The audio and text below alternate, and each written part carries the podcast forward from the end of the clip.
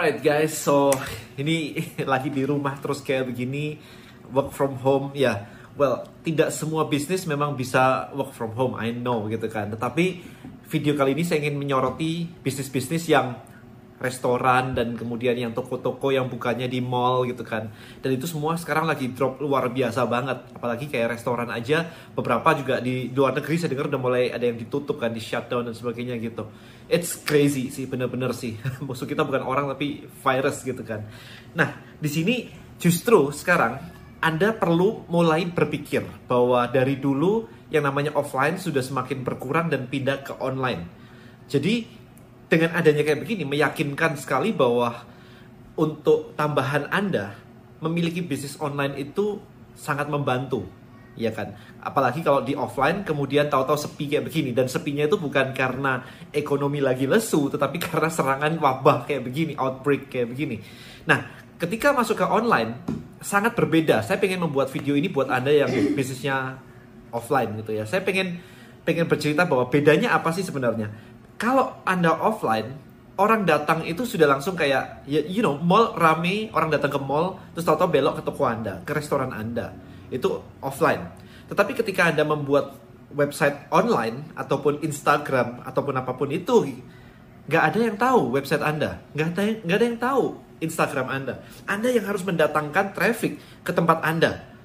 Ini yang sekarang jadi perbedaan banget bahwa customer harus Anda bawa datang ke tempat Anda sehingga baru ada ada terjadinya sebuah transaksi. Nah, skill ini itulah yang disebut dengan digital marketing. Bagaimana membuat orang yang tidak tahu tempat Anda menjadi tahu, kemudian mereka interested dan akhirnya ingin membeli produk Anda.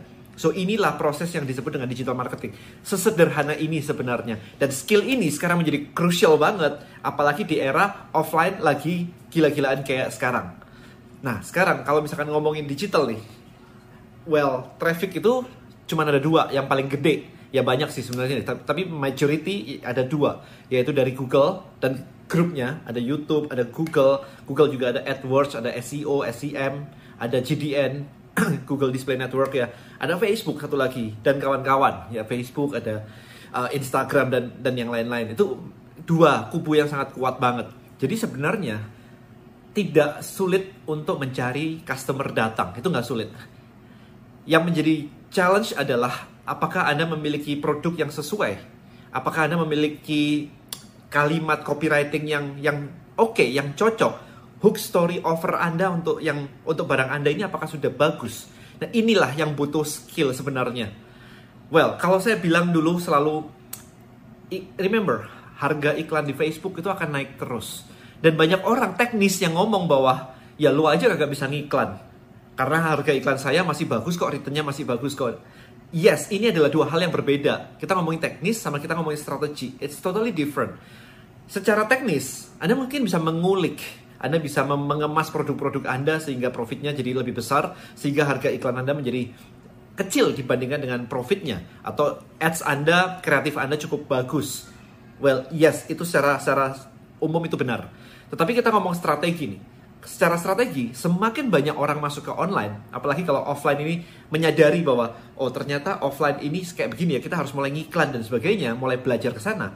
Yang artinya adalah semakin banyak orang menggunakan iklan di Facebook atau di Instagram yang yang mana spot untuk iklan itu kan terbatas. Nah kalau spot untuk iklan itu terbatas katakanlah nih mudahnya ngomong ya ada 10 slot slot ikan iklan.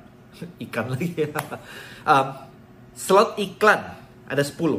Kemudian yang mau beli slot iklan ada 10. Ya masing-masing dapat jatah satu satu satu satu satu sesuai harganya, which is okay. Terus suddenly semua orang masuk ke ranah digital dan yang mau pasang iklan di slot itu menjadi 100 orang. Dengan menjadi 100 orang, kemudian slot iklan tetap 10, maka ini kan rebutan kan. Nah secara rebutan memang banyak sekali faktor, tapi salah satu faktornya adalah harga harga harga untuk pasang iklan jadi lebih mahal. Ya Anda punya punya slot iklan di koran dan semua orang antri iklan di koran Anda. Ya Anda naikin harganya, selesai supply and demand. Jadi itulah yang terjadi secara general. Meskipun banyak faktor lain yang yang ada di dalam sana ya, nggak cuma harga doang gitu. So itu yang harus diperhatikan bahwa Anda boleh iklan, belajarlah iklan, yes always karena offline sudah semakin berat untuk datengin customer, apalagi sekarang work from home, sekolah dari rumah, beribadah dari rumah, kan nggak keluar kan. Jadi agak challenging banget. Jadi Anda mau nggak mau harus memikirkan untuk cari orang atau customer dari iklan supaya orang itu datang.